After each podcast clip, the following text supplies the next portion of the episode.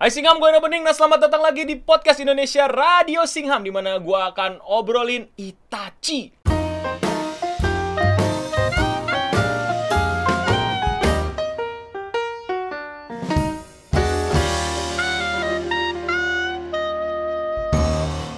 Selamat datang di podcast yang di mana kalian bisa dengerinnya sambil makan, minum, ngobrol, kerjain tugas, kerjain kerjaan, bisa nggak ya? Masih WFH nggak ya? Nggak tahu deh. Kalau kalian dengerin ini di masa depan pada saat ini kita sedang ada pandemi dan kita ada isolasi mandiri lah kuarantin lah pokoknya gitulah ya.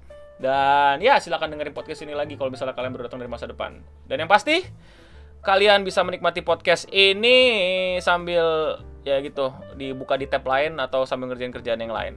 Oke kali ini kita kembali ngobrolin dunia perwibuan nih dunia kecintaan kultur Jepang pada anim nih kita ngomongin anim sekarang nih anim lagi nih dan masih biasa formatnya masih gue ngobrol sendiri sama kalian kali ini kita mau ngebahas anim Naruto dan opini gue mengenai interpretasi gue lah lebih tepatnya interpretasi gue mengenai uh, salah satu plot di uh, cerita Naruto yaitu pembantaian Uchiha yang dilakukan sama klannya sendiri yaitu Itachi. Oke, buat kalian yang nggak tahu, gue recap ya. Jadi ini recapnya sangat over oversimplified ya. Jadi bakal sangat terkesan menyederhanakan dan tidak terlalu akurat gitu. Tapi plotnya sama nih, kurang lebih. Nih ya, jadi gini. Suatu hari di sebuah desa ninja bernama Konoha, ada klan yang dikucilkan namanya klan Uchiha. Mereka dikucilkan karena dulu Senju, klan yang menang perang, itu berdamai sama Uchiha. Jadi klan Senju benci Uchiha, klan Uchiha benci Senju gitu. Nah, masalahnya jadi pemimpin Konoha itu klan Senju. Jadi klan Uchiha agak sedikit didiskriminasi setelah kepemimpinan Tobirama. Kalian tonton dulu atau dengerin dulu podcast gue sebelumnya mengenai Tobirama. Akibat Ibaratnya klan Uchiha itu ya mereka ngisi posisi po eh, polisi Konoha tapi nggak bisa ngisi posisi-posisi penting di pemerintahan. Mereka terpojokan, tinggalnya dekat penjara dan iya mereka nggak boleh nyampur, mereka mesti ngumpul di situ, nggak boleh kayak warga lain yang bisa campur-campur tinggalnya. Klan Uchiha ini di gembar-gemborkan sebagai klan iblis, klan yang berbahaya karena dulu pemimpinnya yaitu Uchiha Madara walaupun sudah berdamai dia uh, memberontak dan ngeluarin Kyuubi dan mengacaukan desa, tapi berhasil dikalahkan sama Hokage, yaitu si Hashirama Senju. Eh, gue pengen ngejelasin oversimplified tapi malah jadi detail banget. Dan akhirnya masuklah ke kepemimpinan siapa nama Hokage ketiga? Si, aduh, Hiruzen. Hiruzen ini Sarutobi, Hokage ketiga dan dia ini uh, sebenarnya pasifis. Dia tuh dikenal sebagai Hokage yang pasifis, yang sebenarnya males perang, males apa-apa ribut, nggak kayak Tobirama dia tuh dinyatakan lebih pasifis sebenarnya. Nah, dia ini dengar dari temennya bahwa, bro, Uchiha mau kudeta. Ah, yang boneng lu, Gan.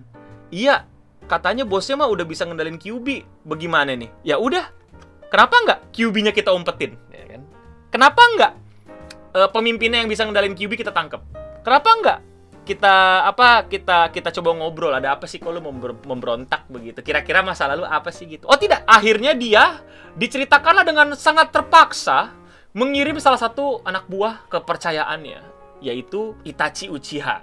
Nah Itachi Uchiha ini adalah ninja yang unik karena dia uh, dari kecil tuh udah jago bunuh orang. dia udah jago bunuh orang dan demen banget masuk militer dari muda, udah jago ngalahin musuh, udah jago bunuh-bunuh orang lah gitu. Sampai akhirnya dia minta izin, "Bos, daripada pusing nih kita ngurusin kudeta, mending gue bunuhin."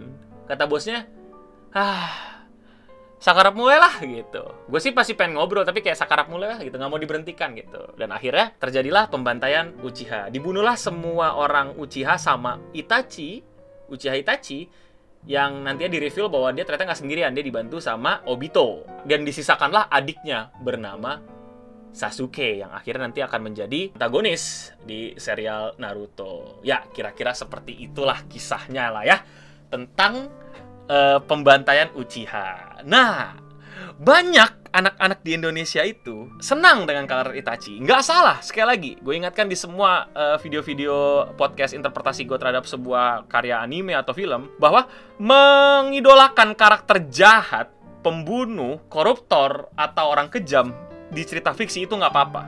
Tapi mengikuti jalan hidupnya itu yang salah. Itachi keren, oh ya keren lagi lah nge, nge, ngebunuh hin satu keluarganya gitu kan demi demi desa gitu kan dianggap keren keren di Naruto di dunia nyata nggak mungkin dong. Ah gitu ya nggak mungkin dong gitu loh. Nah pertanyaannya kalau kita bisa diskusikan uh, fiksi ini di ke dalam ranah sosial kita gitu ranah diskusi moral kita Itachi tuh pahlawan apa pembantai pak? Apa dianggap sebagai hero? Nah gue gua gue masih nggak nyangka banyak orang dengan dengan gamblangnya pada saat gue ajak diskusi kayak begini bilang bahwa Itachi adalah pahlawan. Pahlawan sebelah mananya Pak bunuhin orang? Pertama, problem pertama nih ya. Banyak yang banyak yang belain dia pahlawan tapi uh, abai dengan fakta-fakta yang kayak begini. Pertama, sadar nggak lo? Tidak semua klan Uchiha itu belum tentu mau berontak. Belum tentu loh.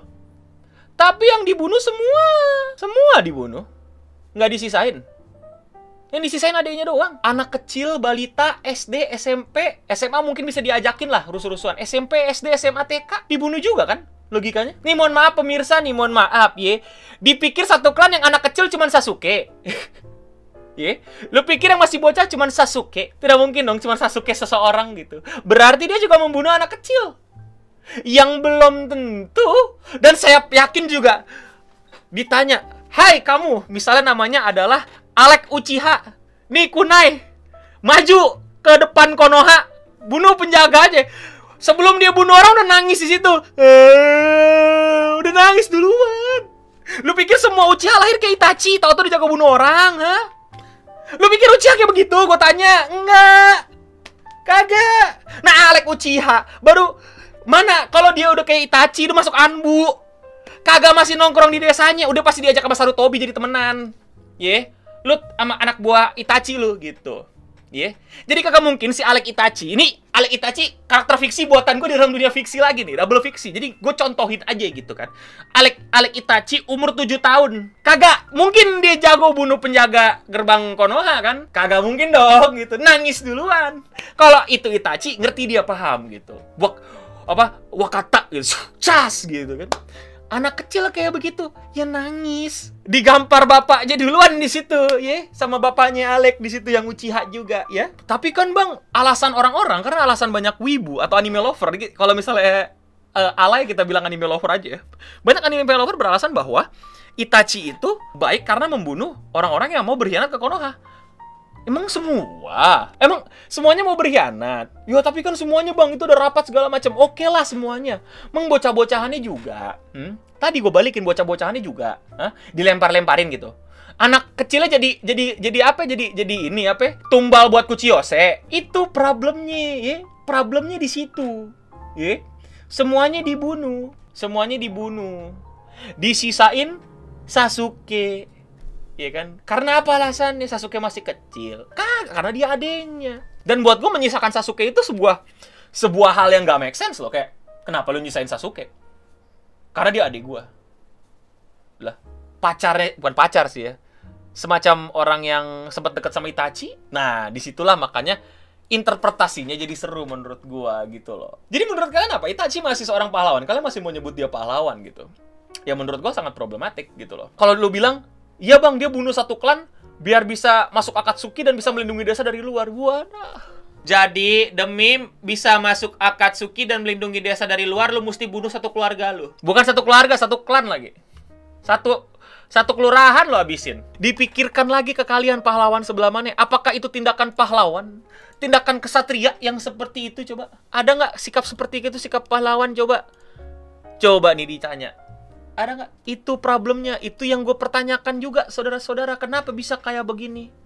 Kagak masuk dong nih Itachi sebagai pahlawan. Gitu. Problem-problem berikutnya adalah Hokage-nya juga. Kenapa lu pura-pura diem baik si Sarutobi? Kenapa lu pura-pura nggak mau ngurus baik? Kenapa kagak diajak ngobrol? Kagak diajak sekut-sekut baik. Ya kan? Slow baik lah kita ngobrol dulu sini lu ada problem apa sih boy? Kayaknya lagi lagi bermasalah sekali gitu ada obrolan apa sih? Gitu. Ada masalah apa sih? Gerangan kok ribut-ribut begitu? Ada apa sih? Wah kita gini gini gini kita dikucilkan. Kita masa nggak bisa ngisi posisi politik penting di Konoha? Karena kita masa tinggal dekat penjara gitu kan. Kita dapat isu klan iblis mulu. Lu bilang dong kalau masalah lu begitu. Ya udah dideklarasi ke depan. Saudara-saudara semua warga Konoha ya kan? Selamat pagi sehat semua sehat. Sejahtera semuanya. Mantap ya mantap mantap ya Ini ada pengumuman nih pemirsa nih, eh masyarakat nih, warga setempat nih. Nih masih aja ada yang nggak suka sama klan Uchiha, ya kan? Masih ada yang juga uh, ngebenci klan Uchiha gitu kan. Tolong diperbaiki sikapnya. Yang kudeta namanya Madara Uchiha, tapi tidak semua Uchiha melakukan kudeta. Jadi kita mesti hidup berdampingan. Besok-besok Uchiha udah boleh keluar komplek, ngisi tempat lain tidak masalah, tidak usah di ujung. Kalau kalian lihat ini ada Shin Uchiha nih ya. Ini anak buah saya sama Itachi Uchiha. Dia udah bantuin banyak misi. Klan Uchiha tuh baik mereka, tenang aja gitu kan. Jadi jangan nilai dari klannya, nilai dari orangnya. Jangankan Uchiha mau kudeta, kalau ada Senju nih, walaupun bapak lu pendiri desa ini ya, tapi lu dari Senju, tapi lu bikin rusuh desa, lu pengkhianat, lu kita tangkap. Paham pemirsa? Paham gitu kan? Ya, semoga diterima ya teman-teman pengumumannya nih. Terima kasih para masyarakat Konoha yang udah mau dengerin ya aman semuanya ya. Lihat ini ada contoh dua Uchiha di belakang saya. Dia pengawal pribadi saya dari klan Uchiha. Nggak ada tuh mau ngebunuhin saya, malah jagain saya mulu dari kemarin ya. Terima kasih semuanya nih atas uh, kerja kerasnya dan semangatnya ya teman-teman. Ya, uh, kami tutup. Uh, wabillahi taufiq ya. Wassalamualaikum warahmatullahi wabarakatuh.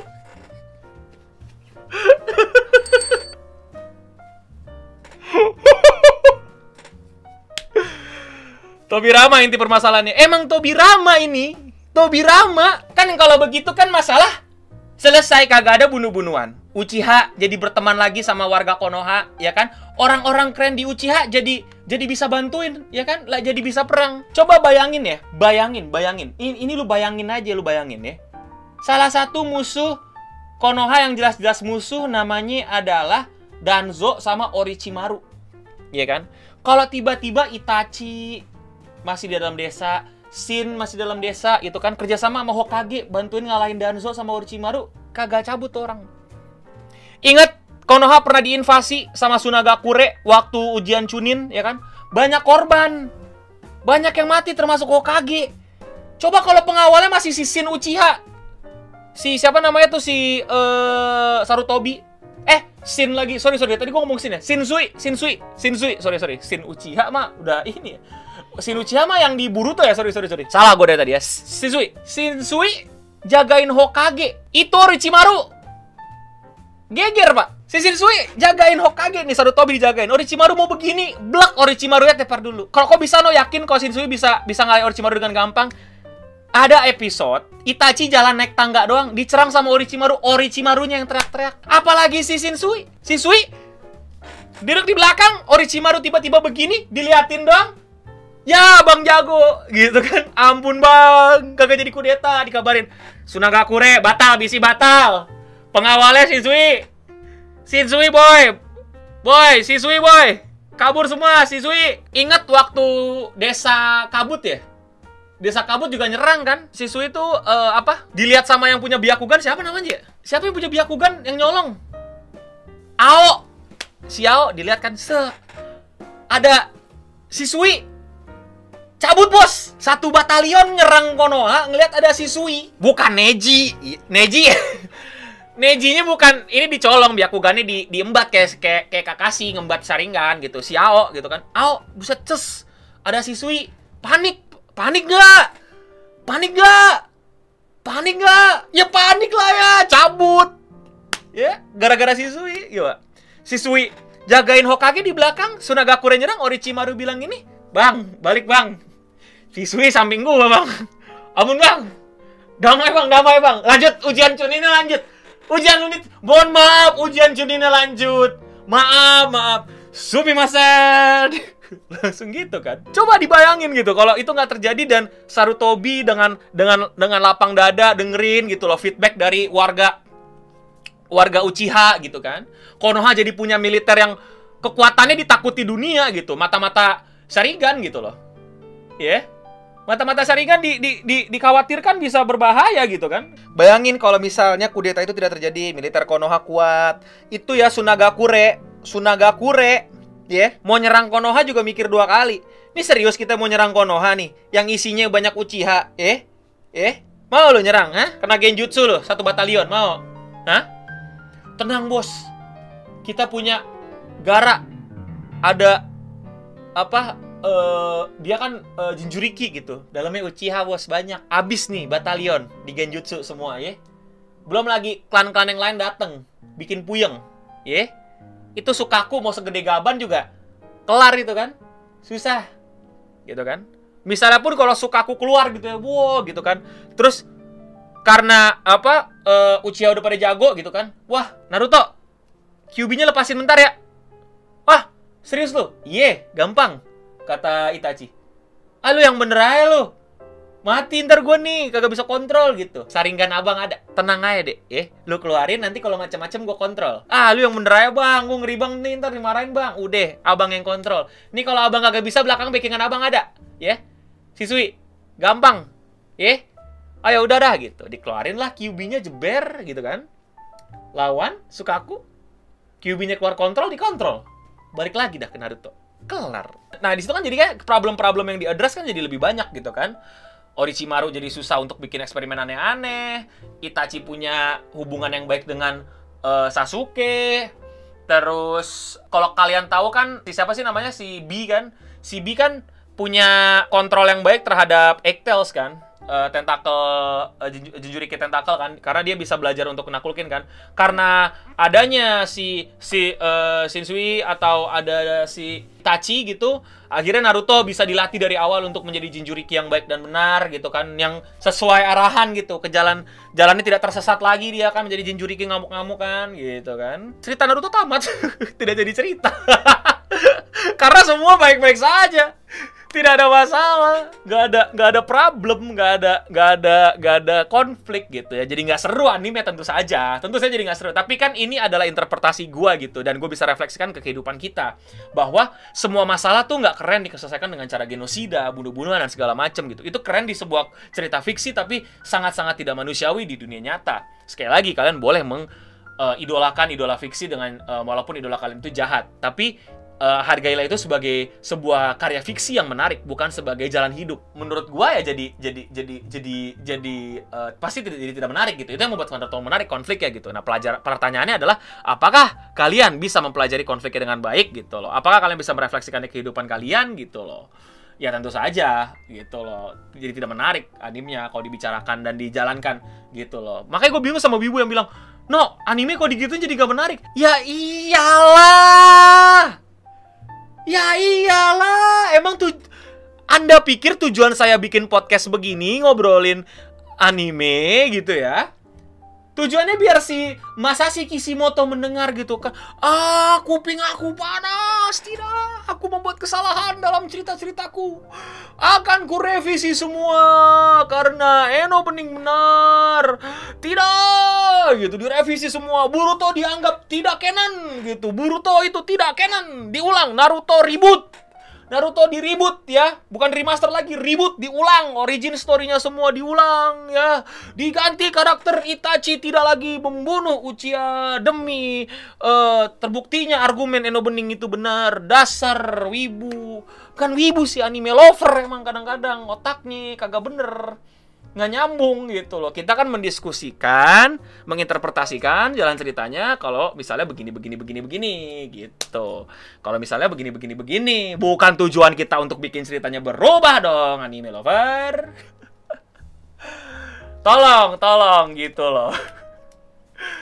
Iya bener gitu, kata Rafli Putra. Konten what if dibilang ngatur. Ini kita ngomongin what if gitu loh. Makanya aneh banget kalau misalnya dibilang ngatur gitu. Oke, pembahasan gue sampai sini. Kuda mungkin bisa ngedit sampai sini. Nanti bisa pilih dah pertanyaan-pertanyaan yang oke. Naruto lebih pinter, dia sendiri yang jagain Kawaki. Oh, iya!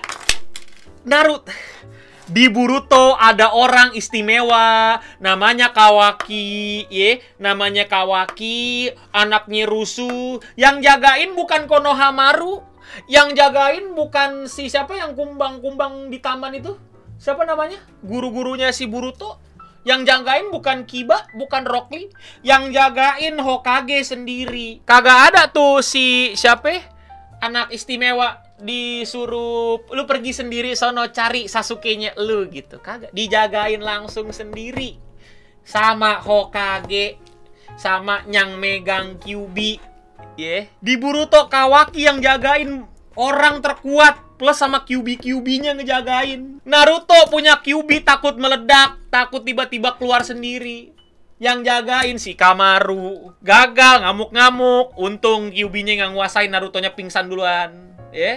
Untung Naruto pingsan duluan loh. Gua akan tetap di kesimpulan bahwa genosida bukan jawaban, pembunuhan massal bukan jawaban, yang dilakukan Itachi tidak keren, tapi ya keren secara fiksi tapi tidak keren. Itachi bukan pahlawan, Itachi bukan Hokage kegelapan, Itachi adalah pembunuh massal dan Itachi kemungkinan juga time travel. Karena cuek waktu Sasuke diculik Orochimaru pede banget. Jadi dia tahu jawabannya pasti Orochimaru nggak bakal ngapa-ngapain. Anda pikir kenapa Naruto mau sama Kawaki? Karena anakku adalah anak gagal. Saya tidak bangga punya kamu, Boruto. Cuma saya tidak berani bilang. Makanya saya tunjukin dengan sikap. Saya lebih punya waktu buat Kawaki. Anak random dari entah di mana. Eh, tatoan, rusuh, tapi gue boleh tidur di kasur uh, di, di rumah gitu kan. Kagak takut anak bininya diapa-apain, kagak takut. Kagak takut dia, ya kan? Buruto, Buruto, Anda tidak sadar bokap Anda itu tidak suka sama Anda, tidak bangga sama Anda. Sudah terlalu lama Anda Buruto, Buruto. Keluar Anda sadar, Buruto sadar. Ya, jadi itu dia diskusi Radio Singham dari Itachi sampai kebijakan Hokage dan sampai punya kesimpulan bahwa Itachi itu mungkin time travel ya, kayak Eren. Jadi gimana pendapat kalian nih para penggemar Itachi komen di bawah nih, para pencinta Naruto nih, anime lover Naruto. Be. yang wibu ke sini, yang anime lover silahkan marah-marah di komen. Kalau kalian punya argumen lain atau ada uh, ide lain yang mesti dibahas untuk di podcast untuk kita bedah cerita-cerita fiksi interpretasi gua, silahkan komen di bawah juga. Kalau kalian suka jangan lupa subscribe, uh, klik like, nyalain notifikasinya. Kalau misalnya kalian, bang pengen ikutan live streamingnya, uh, pengen ikutan podcastnya pada saat live streaming live, nyal, uh, kalian unsubscribe dulu, baru subscribe lagi karena biasanya suka nggak keluar gitu kan. Biar kalau mau cepet keluar paling utama gitu, subscribe dulu, terus nyalain uh, unsubscribe dulu, klik lagi tombol loncengnya. Jangan lupa juga follow gue di social media, uh, sebar ini ke teman-teman kalian. Uh, dan ya, Gimana pendapat kalian mengenai podcast kali ini? Komen di bawah, gue tunggu pendapat kalian. Udah kelar kerjaannya, PR-nya, tugasnya, nganggurnya, udah mau ngantuk, yuk bobo yuk, bobo udah malam, atau yang masih siang, yuk kerja yuk, semangat, olahraga. Di rumah aja, makin sering kalian di rumah aja, mak, ini gue janji, makin rame Radio Singham, makin sering kalian di rumah aja, makin sering gue bikin yang kayak gini, ya. Live streaming, terus kalian bisa nonton siaran tundanya. Asik kan? Seru kan? Oke? Okay? Dan untuk kita semua, stay clean and sound. Bye-bye. Thank you semua Singham. Sampai ketemu di Radio Singham berikutnya. Dadah.